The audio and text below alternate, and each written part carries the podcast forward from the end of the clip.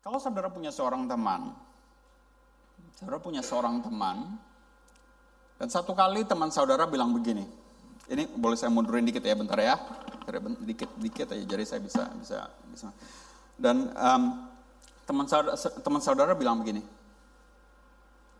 mulai hari ini, pokoknya lu contoh gua aja, contoh bagaimana I, I maksudnya kehidupan saya Uh, maksudnya apa?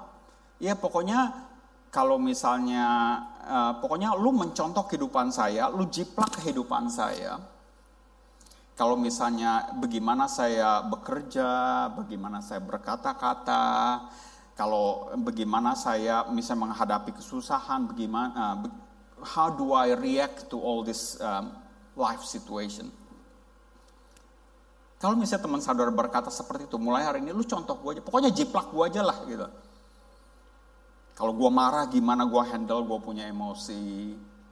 Kalau gue bersalah gimana gue minta maaf. Kira-kira kalau ada orang berkata begitu, teman saudara ngomong, eh, ngomong begitu, kira-kira saudara bakal pendapat saudara gimana?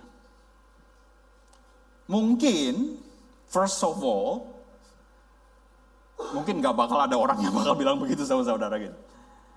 Tapi kalau ada, kira-kira respon saudara bagaimana? Coba pikirkan. Mungkin ya mungkin kalau uh, just to make him happy, happy saudara bilang oke okay, oke okay, gitu. Tapi look honestly in your heart, honestly in your heart, kalau ada orang yang bilang begitu kepada saudara, saudara bakal pikirnya apa? Kalau ada orang begitu ngomong gitu sama saya, saya bakal pikir begini, emangnya lu siapa? Emangnya lu sombong banget? Emangnya hidup kamu lebih baik dari hidup saya? Minggu lalu masih marah-marah. Minggu lalu lu masih nyontek kok sekarang lu mau saya untuk mengikuti hidup kamu, meneladani hidup kamu, atau menjadikan kamu teladan. Emangnya kamu siapa? Sombong banget. Mungkin kalau saudara orang Kristen, saudara akan bilang begini, saya mah meneladani Yesus, bukan meneladani kamu. Benar nggak? Benar ya? Tapi interestingly, perkataan yang sama itu dikatakan oleh Paulus berkali-kali. Saya kasih contoh. Dan dan Paulus ini nggak cuma ngomong ngomong ngomong ke orang teladanilah kehidupanku, bukannya cuma satu dua orang aja, dia ngomong kepada orang banyak. Dia ngomong ini kepada uh, jemaat Korintus, jemaat uh, Filipi, jemaat Tesalonika. Cepat saja saya di dalam satu uh, kepada jemaat Korintus 1 Korintus 4 ayat 16 dia berkata begini. Sebab itu aku menasehatkan kamu turutilah teladanku. Dalam bahasa Inggris dikatakan imitate me. Saya tahu arti kata imitate, ngejiplak kata bahasa Indonesianya. Turutilah teladanku. Kemudian kepada jemaat Korintus juga sama, jemaat Korintus dia berkata 1 Korintus 11 ayat 1 jadilah pengikutku. Kalau bahasa Inggris berkata, pattern yourself after me. Sama seperti aku juga menjadi pengikut Kristus. Kepada jemaat Filipi, Filipi 3 ayat 17 dia berkata begini, Saudara-saudara, ikutilah teladanku. Bahasa Inggrisnya berkata, follow my example. Dan perhatikanlah mereka yang hidup sama seperti kami yang menjadi teladanmu. Ternyata Paulus juga bilang ini nggak cuma dia, turutilah teladan-teladan dia dan yang lain-lain. Kepada jemaat Tesalonika dia berkata di dalam 2 Tesalonika 3 ayat 9b. Melainkan karena kami mau menjadikan diri kami teladan bagi kamu supaya kamu ikuti dalam bahasa Inggris berkata model for you to imitate.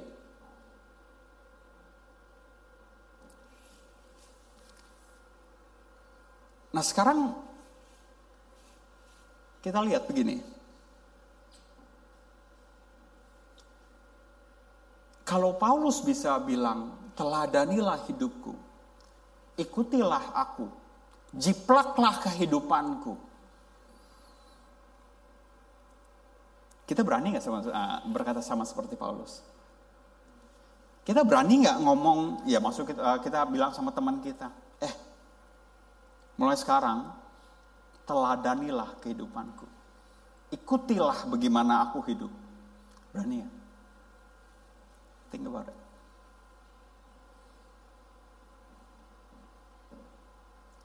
Dan mungkin jawaban saudara dan saya mungkin enggak. Karena you put yourself in the line, kalau saudara bilang mulai sekarang ikutilah teladanku. Ada satu um, uh, bahasa Inggris, it's just a one-liner say that uh, berkata begini. Do as I say, but not as I do. Pernah dengar? Do as I say, but not as I do. Ini biasa, ini ini practically apa yang kita lakukan dalam kehidupan kita sehari-hari. Kamu kerjakanlah seperti apa yang apa yang saya katakan, tapi bukan seperti apa yang saya kerjakan. Kita tuh begitu semuanya. Kita mau orang lain itu melakukan eh, melakukan apa yang kita suruh mereka lakukan, but not necessarily melihat apa yang kita lakukan. Contohnya, contohnya. Seorang bapak yang punya anak merokok Kids, when you grow up, don't smoke. You've got lung, uh, lung cancer. Don't smoke, eh? Itu cuma contoh. But that's exactly what we do every day. Kok kita tahu Bible said uh, jangan berbohong. Dan kita bilang ke orang, orang Kristen mah kita nggak berbohong, kita jangan berbohong. Tapi kita sendiri berbohong.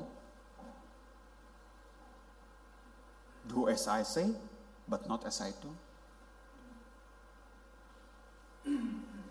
Kalau ditanya, kenapa coba? Kenapa kamu nggak mau orang lain meneladani hidup kamu? Dan this is a very classic, classic answer dari setiap daripada kita.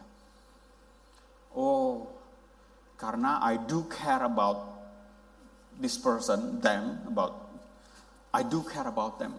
Saya nggak mau dia melakukan uh, kesalahan yang sama seperti saya. Wow, jawabannya suci banget. Benar? Sering kan wow, saya nggak mau dia melakukan sama apa, kesalahan yang sama seperti saya. So beautiful answer. what we did basically say that look I saya tuh care about this person I care about this person doesn't want to have this person to do the same mistake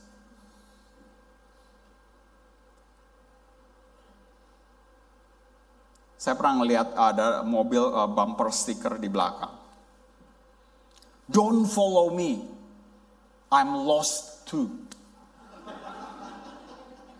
Kita seperti itu gitu loh. Kita kita berjalan di depan, tapi kita kasih sign di belakang. Don't follow me. Saya juga saya juga lost. Kita nggak mau orang lain meneladani hidup kita karena kita bilang kita care. But let me tell you the truth. The truth is that's not the real reason. The truth is Reason kita bukannya karena kita care about orang lain, tapi kita care about ourselves. Why do I say that? The truth is, kita tuh selfish. Kita tuh egois. Karena apa? Karena kita tahu kita di sini. This is the standard that uh, that we should be. This is the standard that other people should aim to.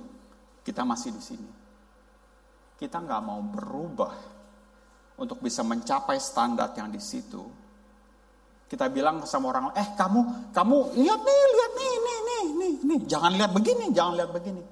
Kita sendiri nggak mau berubah. Karena apa? Karena untuk kita berubah mencapai seperti standar apa yang kita katakan, diperlukan pengorbanan. Diperlukan waktu buat kita, diperlukan effort, energy to change. Dan itu mengusik kita punya comfort zone.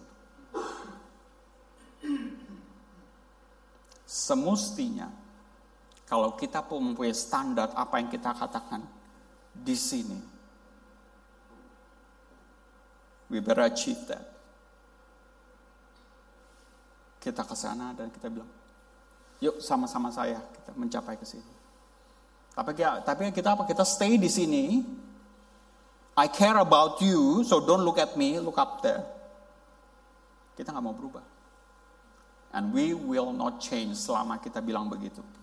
Selama kita nggak bisa bilang, ikutilah teladanku, kita bakal stay di, di current situation, we will not change. Dan apa yang kita katakan hanya sebatas kata-kata aja. Think about it. Nah, balik lagi kepada kepada Paulus. Actually sebelum uh, let me give you um, kesaksian, kesaksian dari kehidupan saya. Beberapa tahun yang lalu, sebelum saya involved di dalam uh, pelayanan memberi uh, uh, apa pelayanan memberitakan uh, firman Tuhan, um, saya mulai belajar uh, memberitakan firman Tuhan itu di, di kelompok-kelompok kecil, komsel-komsel gitu, komsel-komsel di, di gereja saya di Melbourne. Satu kali gembala saya bilang, oh ya William kamu uh, nanti ya saya jadwalkan kamu khotbah tanggal sekian sekian sekian di di, di kebaktian umum. Dan saya menolak. Saya bilang, oh uh, um, gembala saya namanya juga sama Agus juga. Uh, Agus, um, enggak dulu deh, saya nggak mau, saya belum siap ya. Tuh kata belum siap tuh sering kita pakai. Kalau disuruh pelayanan apa-apa, saya belum siap. Benar ya? Atau cuma saya doang? Saya belum siap. Kenapa? Oh, kamu kan kamu kan udah bisa gini-gini. Ya, saya belum siap. Jujur-jujurnya, belum siapnya saya begini saya tuh nggak nggak nggak seberapa punya masalah in terms of public speaking. Saya nggak nggak pernah nggak nggak seberapa masalah kalau in terms of uh, you know doing presentation like this. It's not so much a big deal for me gitu. Tapi masalah saya, masalah saya yang membuat saya nggak bisa move forward at that time, saya nggak mau teman-teman saya yang kenal saya mempunyai uh, pandangan yang berbeda terhadap saya kalau saya khotbah. Karena saya tahu kalau saya khotbah, standar mereka melihat kehidupan saya akan beda. Mereka akan lihat, lu khotbah itu minggu lalu, lu sendiri masih begini. And that's a struggle buat saya. Jadi not so much actually the uh, the execution of the preaching, but actually how I live my life according what I'm going to say. Dan saya bilang, tar dulu lah, belum siap. Sampai satu kali ibu gembala saya bilangnya, ibu gembala, maksudnya ini lagi very very informal conversation, very informal conversation. Uh, oh William, kapan kau gini? Oh yang belum siap bilangnya Uh, kenapa? Oh, iya nanti iya iya Ci nanti kalau saya begini nanti nggak enak gitu. Jadi seolah-olah eh, teman-teman saya ngeliat saya sok suci, sok suci, ntar apa nggak? Padahal apa saya belum bisa melakukan seperti apa yang katakan. Terus uh, ibu gembala saya cuma ngomong, it's just a one liner gitu, just a very informal conversation. Ya kamu berubah dong. Biasa kan ya orangnya, ya kamu berubah dong gitu loh. Maksudnya and and that words and dan kamu berubah dong gitu. Ini sampai sampai ini udah bertahun-tahun it's still stuck in my head. Kenapa? Karena itu yang uh, dari situ it that triggers me untuk say yes untuk untuk mulai involved di dalam uh, pelayanan ini. Tadinya saya expect begitu saya bilang iya nanti teman saya uh gitu saya tadinya expectation saya oh iya emang William ya dia mungkin dialon-alonin dialon-alonin dialon-alonin dirayu sini rayu situ rayu sini. Enggak tuh. Ya, kamu berubah dong gitu. That switch me on gitu langsung saya realize begitu dia bilang, eh kamu berubah dong. Berarti I'm at the state where I should not be. Berarti ada tingkat yang lebih tinggi yang saya harus achieve atau where I, I, I should be there, but I'm not there yet. The key is, itu tergantung saya. Do I want to change? Or do I want to actually keep on dwelling in my old position forever and ever? Think about that. Kembali lagi kepada Paulus. Ketika Paulus bilang gini, Hei kamu turutilah kehidupan, uh, turutilah aku atau uh, atau uh, imitate me atau teladanilah kehidupanku. Waktu saya menyiapkan uh, bahan ini, saya sempat kepikir, saya pikir ini orang siapa ya si Paulus? Sombong banget. Emangnya dia siapa? Emangnya dia sempurna. Emangnya dia Yesus, dia bilang begitu. Turutilah teladanku. Ketika saya terus merenung, merenung, merenung, merenung, akhirnya I, I came to a state di mana tuh saya sadar jawabannya bukannya Paulus salah atau tidak, That's not the problem. The problem is not the question. The problem, I actually ask the wrong question. Maksudnya gimana? Somehow I, I believe this is actually a conviction from God di mana pertanyaannya itu sebenarnya bukannya dia salah atau enggak.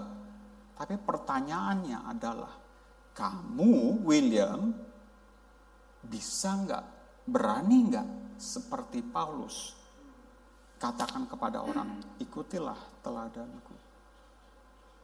And I'm stuck there. Uh, see, you see, kehidupan orang Kristen, kita nggak perlu bilang, hei kamu ikutilah teladan, teladanku, lihatlah kehidupanku. Kita nggak perlu ngomong begitu. Secara otomatis begitu saudara bilang I am a Christian now, saya mengaku Yesus sebagai Tuhan dan juru selamat kita. Begitu saudara berkata begitu, langsung mata dunia itu menyoroti kehidupan saudara. It's automatically given. Gak usah saudara bilang, ikutilah teladanku. Langsung dunia begitu tahu, oh kamu Kristen. Kehidupan saudara disoroti, kelakuan saudara disoroti, perkataan saudara disoroti. Sering kita mendengar uh, orang yang non-believers berkata begini, katanya orang Kristen, kok masih begini kelakuannya? Katanya orang Kristen, kok masih marah-marah? Dan ayat yang paling sering orang pakai yang bukan non-Kristen, katanya orang Kristen tampar pipi kanan kasih pipi, kok enggak? Malah malah balas, balas dendam. Sering nggak kita dengar perkataan orang bilang, katanya orang Kristen. Sering?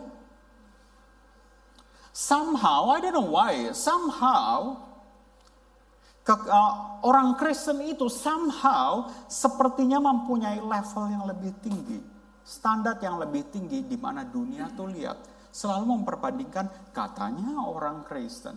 Ada expectation di mana kita mempunyai standar yang lebih tinggi. Dan saya nggak pernah mendengar ada yang bilang, katanya orang agama XYZ, kok begitu? Pernah saudara dengar? I never heard it. Tapi saya sering dengar kalau orang bilang, katanya orang Kristen. You see, that's the wrong uh, question that I ask. Apakah Paulus benar atau enggak? The right question is, Apakah kamu menjadi teladan atau enggak? That's the right question. Dan cuma saudara yang bisa menjawab itu. Mari kita belajar lebih uh, lebih dalam lagi soal kehidupan Paulus.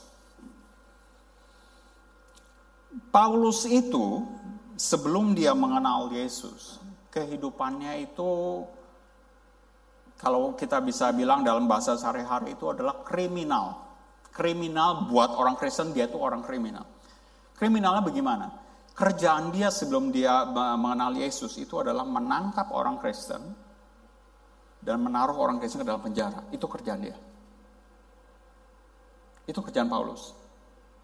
Sebelum dia sebelum sebelum dia ada encounter sama Jesus. Kalau saya uh, kalau saya boleh taruh sebagai say measurement ya, oke. Okay? Say ini measurement, ini ini ini ini measurement ya, ini contohnya ya. Ini 10, ini 10, ini minus 10 di bawah. Ini zero. Contohnya. Ini 10 being saudara being a very good person. Minus zero is eh, sorry minus 10 is somebody yang yang jahat banget. Nol netral Ya, kadang-kadang jahat, kadang-kadang baik, kadang-kadang jahat. Mungkin kebanyakan dari kita, sebelum kita mengenal Kristus, kebanyakan dari kita, mungkin kita hovering around zero. Ya, kalau saudara orang baik dikit ya one, two, three maksimum. Mungkin saudara yang nakal-nakal dikit ya minus one, minus two, minus three. Tapi Paulus, dia tuh minus ten. Dan dia sendiri mengaku. Di dalam di dalam 1 Korintus 15 ayat 9 dia berkata begini. Karena aku adalah yang paling hina dari semua rasul sebab aku telah menganiaya jemaat Allah. 1 Timotius 1 ayat 15 berkata begini. Perkataan ini benar dan patut diterima sepenuhnya Kristus yang datang ke dunia untuk menyelamatkan orang berdosa, dan di antara mereka akulah yang paling berdosa. Paulus mengakui kalau dia tuh start di dalam Christianity life dia, dia itu start at the very very bottom dia dia dia mengaku dia orang yang paling ber, uh, paling hina, orang yang paling berdosa. But that doesn't stop him to say, jadilah, ikutilah teladanku. Dan kita, mungkin kebanyakan daripada kita, we have a better start compare with Paulus.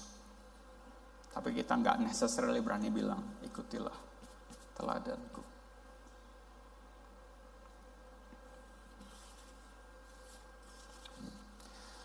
Kenapa Paulus uh, bilang, uh, kenapa dia tuh berani bilang ikutilah teladanku? Di dalam 1 Korintus 11 ayat 1 berkata begini, Jadilah pengikutku sama seperti aku menjadi pengikut Kristus. Ayat ini berkata begini, Aku ini, ini misal aku Paulus, Aku ini mengikuti Yesus. Aku berjalan ke sana mengikuti Yesus. Kamu ikutilah aku, jadilah pengikutku. Ke mana aku jalan, kamu ikuti. Artinya apa? At the end of the day, kalau saudara mengikuti aku, si Paulus ini, saudara juga akan mengikuti Yesus. Make sense? Ikutilah aku karena aku mengikuti Yesus. Kalau udah sampai tempat tujuan ya kita berdua-dua sama-sama sampai. Mengikuti Yesus. That is the reason why dia tuh berani bilang, eh kamu ikuti aku karena aku tahu ke mana aku akan pergi.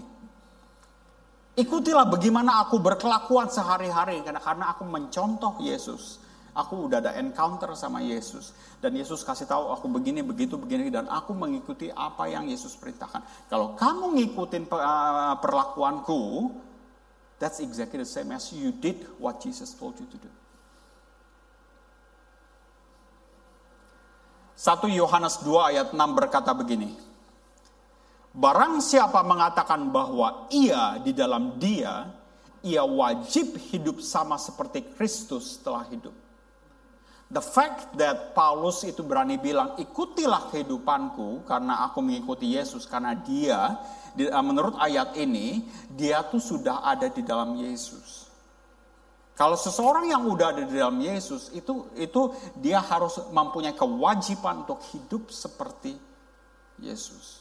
Dan kalau saudara mengikuti orang yang hidup seperti Yesus, you are actually living as like Jesus. How Jesus lived. Does it make sense? Ya? Saya I'm not a big fan, I'm not a big fan kalau misalnya ada orang ada saya sering dengar orang-orang berkata begini dan dan saya kurang setuju. Um, kamu gak usah lihat saya, lihat Tuhan aja, lihat Tuhan. Gak usah lihat saya, lihat Tuhan, lihat Tuhan. Saya kurang setuju gitu loh kadang kalau misalnya kalau gini, kalau kita ngomong begitu kepada orang Kristen, sesama orang Kristen, buat saya, saudara tuh istilahnya tuh you're trying to cover yourself from doing something that is not good gitu. Lihat Tuhan aja karena karena saya kalau kamu lihat saya saya masih salah nih, masih berdosa. Lihat Tuhan aja, lihat Tuhan. The worst is kalau kamu saudara bilang begitu kepada orang yang non believers kepada orang yang belum percaya. Kamu jangan lihat kehidupan saya, lihat Tuhan aja, lihat Tuhan. Loh, dia aja belum kenal Tuhan, kok mau suruh lihat Tuhan bagaimana? Loh, dia belum kenal Tuhan. Saudara-saudara bilang, lihat Tuhan aja, lihat Tuhan. Mau lihat ke mana? Satu kali, Mahatma Gandhi pernah berkata begini. Mahatma Gandhi itu adalah satu seorang uh, a, a big role model di, bagi orang India. Mahatma Gandhi berkata begini di dalam interview, uh, interview dia. I like your Christ, but I do not like your Christians. Your Christians are so unlike your Christ. Itu loh Mahatma Gandhi bilang gitu. Imagine kalau dia tuh bisa dimenangkan waktu dia masih hidup. Dia tahu who is Christ. Dia tahu, tapi yang membuat dia nggak bisa menerima Kristus. Because of the Christians, not because of the Christ. I like your Christ, but I don't like your Christians. Your Christians so unlike your Christ. The big question this morning do you like your Christ or are you so unlike your Christ? Answer that, uh, that question yourself.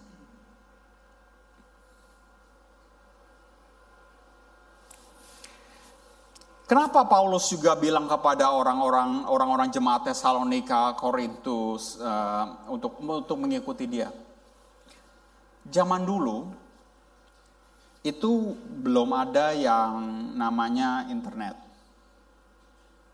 Orang-orang yang Paulus khotbah ini, orang-orang jemaat Tesalonika, Korintus segala macam, mereka itu Saudara bayangkan ya, uh, pada saat itu, pada saat Paulus berkhotbah itu, Yesus itu udah udah udah naik ke surga. Oke, okay? dan Yesus itu waktu di dalam pelayanannya di dunia itu dia uh, Yesus itu banyak tuh di daerah Yerusalem, daerah daerah sekitarnya Yerusalem ini. Ini we are talking about totally different place. Tesalonika, Korintus yang yang gak ada hubungan, yang Yesus mungkin nggak pernah ke situ juga. Oke, okay? nah maka itu ketika Paulus berkata ikutilah teladanku, dia tuh berkata kepada orang-orang tuh yang nggak kenal Yesus, nggak pernah ngelihat Yesus, nggak pernah tahu itu Yesus gimana. Yesus gimana.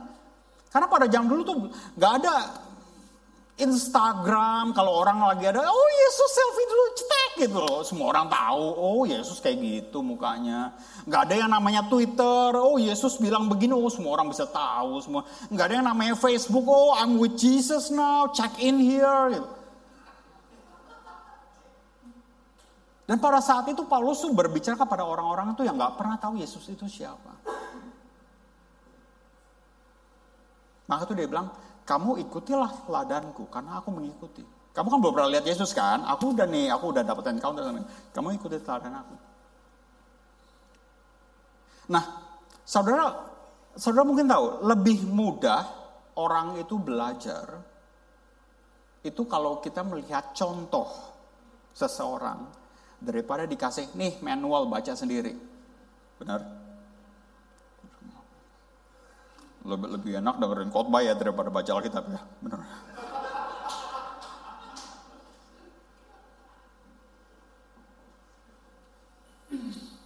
Siapa di sini bisa driving manual car? Gak banyak ya? Hah? Sampai setengah? Gak sampai setengah? Nah, tahun lalu saya saya coba ngajarin uh, anak saya untuk driving manual car. Dan ternyata itu not as easy as I can drive gitu loh. Ngajarin seseorang untuk belajar manual car itu totally jauh lebih susah daripada kamu driving sendiri.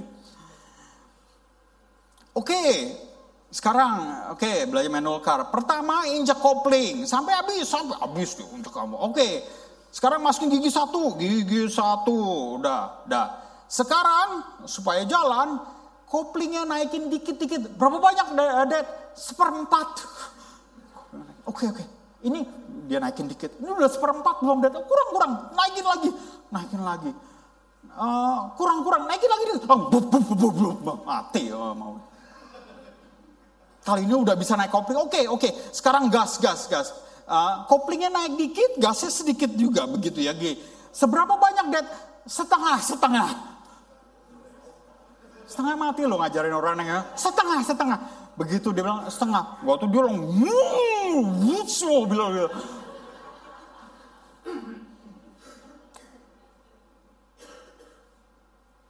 Tapi belajar manual car itu tuh seorang tuh bakal jauh lebih gampang kalau dia lihat, dia praktek, dia lihat, dia praktek bener. Bayangkan, saya bilang begini sama anak saya. Ini manual. How to drive a manual car. Baca. Minggu depan praktek. Baca manual. Gas naikkan sedikit, setengah. Setengahnya saya, setengahnya anak saya itu beda-beda. Gas naik setengah, kopling injak seperempat. Kapan? Yang mana? Ini seperempat nggak ada ukurannya. Masa baru naikin seperempat lihat udah seperempat belum? in everything in our life, it is much easier to learn by looking and praktek. Lihat lagi, praktek lagi, lihat lagi, praktek. Kalau saudara bisa menjadi teladan buat orang-orang di luar sana yang belum mengenal Yesus, akan jauh lebih mudah buat orang-orang di luar sana tahu Yesus itu seperti apa dari kehidupan saudara daripada nih Alkitab baca minggu depan ke gereja ya. Make sense? Saya kasih sebuah cerita. Satu kali ada seorang yang namanya Bill. Bill ini lahir dari keluarga Kristen, dibesarkan sebagai orang Kristen. Somehow ketika dia remaja, dia bergaul dengan orang-orang yang salah. Dia bergaul dengan orang-orang yang salah, dia mulai terlibat di dalam uh, heavy drinking, dia mulai terlibat dalam pemakaian obat-obat terlarang dan segalanya dan sampai akhirnya tuh dia dia dia meninggalkan kekristenannya, dia hancur kehidupannya hancur segala macam segala macam. Sampai udah saking uh, dia di, di di poin yang terendah akhirnya dia dia dimasukkan ke dalam uh, sebuah uh, rehabilitasi sebuah uh, rehabilitasi. Ya, dia spend quite a few months di dalam rehabilita, uh, di rehabilitation facility itu. Sampai sampai dia recover, fully recover, dia fully recover dan dan karena dan dalam proses itu Roh Kudus juga bekerja di dalam diri dia, mengingatkan dia kembali lagi bagaimana dulu dia dia grow up di dalam Christianity-nya segala macam. Dia keluar dari rehabilitasi apart from dia bebas dari addiction dan dia juga dia juga kembali ke dalam jalannya, jalan Kristus lagi. Dan akhirnya si Bill ini menemukan apa yang menjadi panggilan hidupnya. Dari dari proses kehidupannya yang harus go through this rehabilitation process, dia menemukan kalau uh, panggilan hidupnya dan dia somehow dia tuh sangat terbeban untuk kembali ke dalam uh, organ, uh, rehabilitation facility itu untuk kali ini bukannya sebagai patient tapi sebagai nurse or whatever you call it uh, sebagai facilitatornya dia punya passion di situ karena karena dia merasakan maksudnya I've gone through that and I want to help people yang currently going through that situation dan Bill bekerja sebagai volunteer di dalam di dalam rehabilitasi uh, facility ini. Dia bekerja, dia bekerja dan dan dia juga hari demi hari dia dia dia terus uh, uh, mempunyai hubungan yang sangat baik dengan Tuhan, tambah increase day by day, day by day, day by day. Satu kali ada seorang new patient namanya si John. John masuk, John punya masalah yang sama seperti Bill, heavy, heavy drinking dan juga use obat-obat yang terlarang. John gak pernah dengar siapa Yesus itu, dia gak pernah tahu.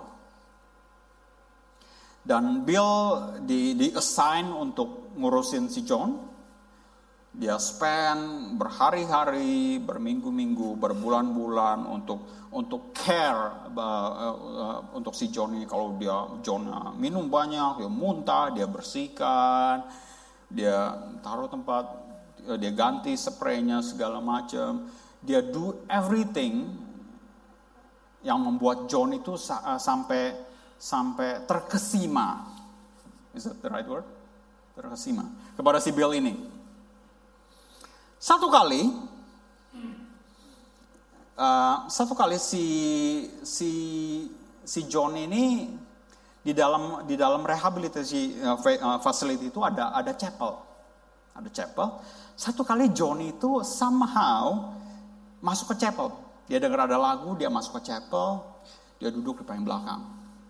Dia duduk paling belakang, dan dan pendetanya pada saat itu yang di chapel itu khotbah khotbah khotbah khotbah khotbah nah, dan kemudian dia tutup gitu there is no altar call there is no nothing like that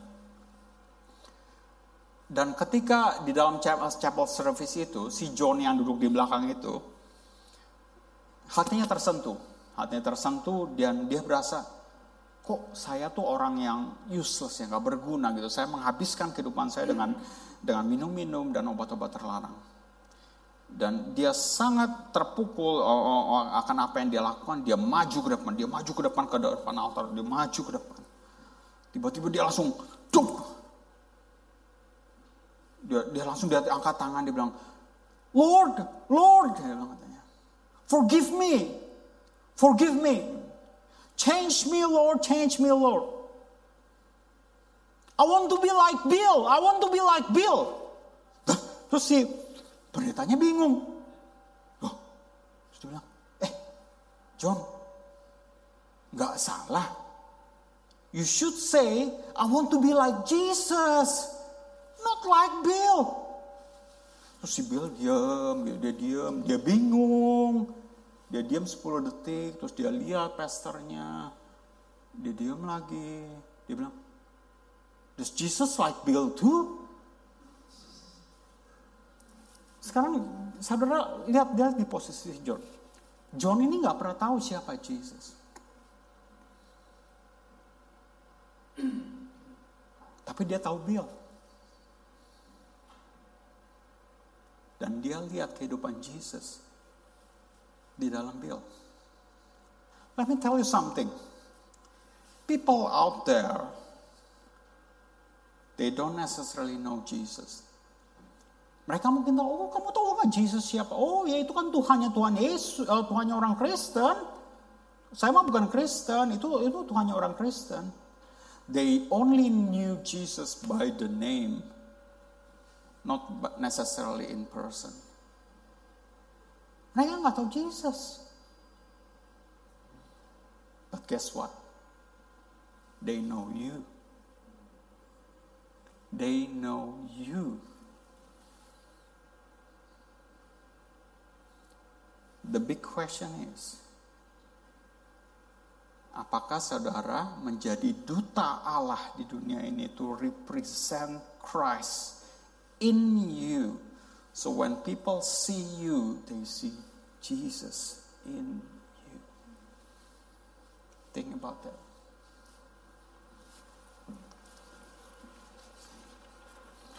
Dan mungkin saudara bilang gini,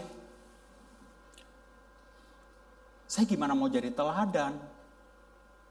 Saya tuh belum sempurna, belum sempurna, banyak masih salah sini, salah situ, bohong sini, bohong situ, saya belum sempurna. Nanti kalau orang lain ngejiplak saya salah gimana? That's our next excuse by the way. You see, Paulus berkata begini, 1 Korintus 2 ayat 3. Aku juga telah datang kepadamu dalam kelemahan dan dengan sangat takut dan gentar. Even Paulus say kalau dia itu mempunyai kelemahan. 2 Korintus 12 ayat 5 berkata begini. Atas orang itu aku hendak bermegah, tetapi atas diriku aku tidak akan bermegah selain atas kelemahan-kelemahanku. Filipi 3 ayat 12. Bukan seolah-olah aku telah memperoleh hal ini atau telah sempurna, melainkan aku juga mengejarnya kesempurnaan. Kalau-kalau aku juga dapat menangkapnya karena aku aku pun telah ditangkap oleh Yesus Kristus. You see, even though Paulus yang berkata ikutilah teladanku, dia sendiri pada saat yang sama juga berkata aku sendiri belum sempurna. Aku punya kelemahan-kelemahan Aku punya ke aku punya kekurangan di sini, di sana, di sini, di sana. He's just like us. Kalau kita udah berasa diri kita sempurna, mungkin kita bakal berasa, I don't need God. I'm just perfect. Why do you need God? You're perfect as it is.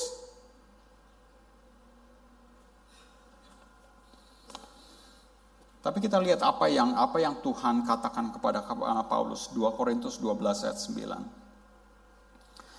Tetapi jawab Tuhan kepadaku, ini Tuhan ngomong sama Paulus. Cukuplah kasih karuniaku bagimu, sebab justru dalam kelemahanlah kuasaku menjadi sempurna. Sebab itu terlebih suka aku bermegah atas kelemahanku, supaya kuasa Kristus turun menaungi aku. Apa yang Paulus katakan begini? Aku memang belum sempurna.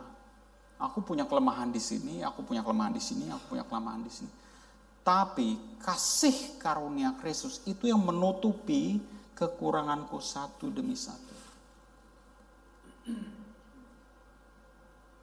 Sehingga ketika orang lain melihat kehidupan uh, Paulus, bukan lagi orang lain melihat kalau ini adalah kekuatan Paulus untuk overcome everything tapi orang lain melihat bagaimana Allah bekerja di dalam kehidupan dia. Same thing with you. None of us actually perfect. Tapi kalau kita allow Tuhan memberikan kasih karunia untuk menutupi kelemahan kita, kelemahan kita, there shouldn't be anything stopping you untuk menjadi teladan bagi orang lain. This is actually, saudara tahu, uh, kasih karunia dalam bahasa Inggris itu dikatakan grace. Di dalam dictionary, the, de, uh, the definition of grace is this. Grace is an unconditional love towards a person who doesn't deserve it. That's grace. We don't deserve grace. Kelemahan kita, kelemahan kita, kelemahan kita, semestinya kita yang overcome kelemahan kita. But because of God's grace, dia yang overcome kelemahan-kelemahan kita. Kalau nunggu kita yang overcome kelemahan kita mau sampai kapan?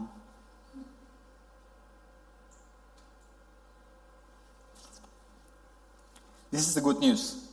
Efesus 4 ayat 7.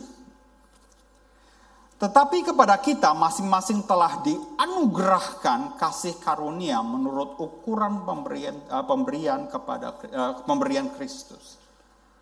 Kasih karunia yang Allah berikan kepada Petrus Alkitab ini berkata itu bukan exclusively untuk sorry Petrus, Paulus. Itu bukan exclusively untuk Paulus, tetapi juga untuk setiap daripada kita. Ini apa apa yang Alkitab katakan. It's not just for him, it's for all of us. And this is even actually a better news. Yohanes 1 ayat 16. Karena dari kepenuhannya kita semua telah menerima kasih karunia demi kasih karunia. Bahasa Inggris dikatakan one grace after another atau ada juga terjemahan yang berkata grace after grace after grace after grace. Karena apa? Karena Tuhan tahu kita bukan orang yang sempurna. Kita melakukan kesalahan yang sama lagi, yang sama lagi, yang sama lagi berulang kali, berulang kali, berulang kali. That's why God's abundance grace, kasih karunia itu diberikan kepada kita grace after grace after grace after grace after grace sampai kita terus slowly but sure becoming a better person.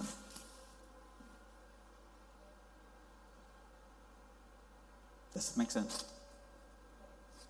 There shouldn't be anything stopping you untuk menjadi teladan bagi orang-orang di luar sana. Mari saya, saya mau memberikan sebuah kesaksian saya lagi. Ini saya perpendek aja kesaksian saya. Berapa tahun yang lalu saya dan istri saya itu mengalami suatu masalah, masalah dan menurut kita berdua ini masalah ini this is so far hopefully hopefully this is ini the the most difficult problem that we ever encounter. Uh, puji Tuhan masalah udah nggak udah udah gone. Dan masalah ini nih uh, masalah ini berlangsung for for two years. Dan kita kita selama dalam dua tahun ini kan kapan kelarnya masalah ini dan masalah itu menurut kita pokoknya terberat yang pernah kita alami sebagai uh, di dalam kehidupan kita kehidupan kita berdua. Tadinya kita itu mungkin saya uh, in particular saya tuh mungkin merasa sedikit angkuh untuk sharing masalah uh, yang kami hadapi ini kepada orang lain. Mungkin saya harus akui, mungkin saya nggak mau orang lain tahu masalah saya. Saya nggak mau orang lain tuh melihat saya sedang lemah. Ini. Saya nggak mau orang lain melihat saya nggak bisa overcome masalah ini. Practically, in in in, in a word, saya nggak mau ngelihat orang, uh, saya nggak mau orang lain memandang saya not at the fit condition. Tapi karena masalah ini nggak kelar-kelar, dua tahun gitu, nggak kelar-kelar dan dan semakin hari itu semakin berat, semakin berat sampai kita tuh nggak kuat dan kita menceritakan masalah ini ke beberapa orang, ke beberapa orang kita ceritakan kita ceritakan dan dan orang-orang yang kita ceritakan tentang masalah ini saya persingkat aja kalau nggak masalahnya nanti saya cerita bisa naruh session lagi. Dan orang-orang yang saya ceritakan tentang masalah ini dan uh, dan kami orang-orang orang, adalah orang-orang yang bisa kami percayai dan kami tahu mereka itu mendengar masalah kami bukan hanya sekedar mendengar tetapi berdoa untuk kami. Kita cerita dan uh, dan saya tahu ada dari beberapa orang ini ada ada yang bilang oke okay, uh, don't worry William, I will pray and fast for you. Wah, senang banget ada orang yang mau puasa buat masalah kita. Ada juga uh, teman yang lain, uh, William dan dan ini bukannya not necessarily in the same church uh, as uh, where I go to. Dia bilang, uh, William don't worry ya. Nanti nanti kalau saya uh, this Sunday when I go to my church, saya akan tulis di permohonan doa di, di gereja saya tentang masalah kamu. Wah, saya bilang thank you banget, thank you banget. Dan orang yang saya ceritakan masalah eh, dan orang-orang yang saya cerita masalah ini, they don't know each other. They don't know each other. Ketika sesudah lewat dua tahun dan masalah besar ini kelar, selesai, kita suka cita banget. Dan saya teleponin orang yang yang yang yang saya share masalah. Oh, Thank you for the prayer, thank you untuk buat puasanya. Masalah kami udah, oh Tuhan melakukan mujizat gini gitu gitu. Oh thank you uh, God uh, uh, did miracle. We, really thank you for your prayer. Seorang yang uh, orang yang pertama bilang gini, that's okay bilang. We should be the one that thank you. Hah? Maksudnya? Melalui what you've gone through for the past two years, di mana kita selalu keep update, oh ini masalah gue lagi begini, ini lagi begini, ini lagi begini. Dia bilang, saya melihat kalau misalnya Tuhan itu baik, Tuhan itu bekerja di dalam kehidupan kamu dan saya akhirnya tak, saya akhirnya tuh yakin kalau Tuhan itu He's still doing things. Dan itu menguatkan saya, meyakinkan saya. Oh, gitu ya. Thank, uh, iya, karena apa yang kamu gone through membuat saya bi menjadi a better person. Orang yang kedua. Saya udah kasih tanda begini artinya apa? Dua menit ya. Orang yang kedua. Oh William thank you. You don't need to thank me, I should be uh, thanking you. Kenapa? Karena waktu kamu menceritakan masalah kamu, saya juga punya masalah. Tapi begitu kamu menceritakan masalah kamu, kayaknya tuh masalah saya itu jauh lebih kecil daripada apa masalah yang kamu lalui.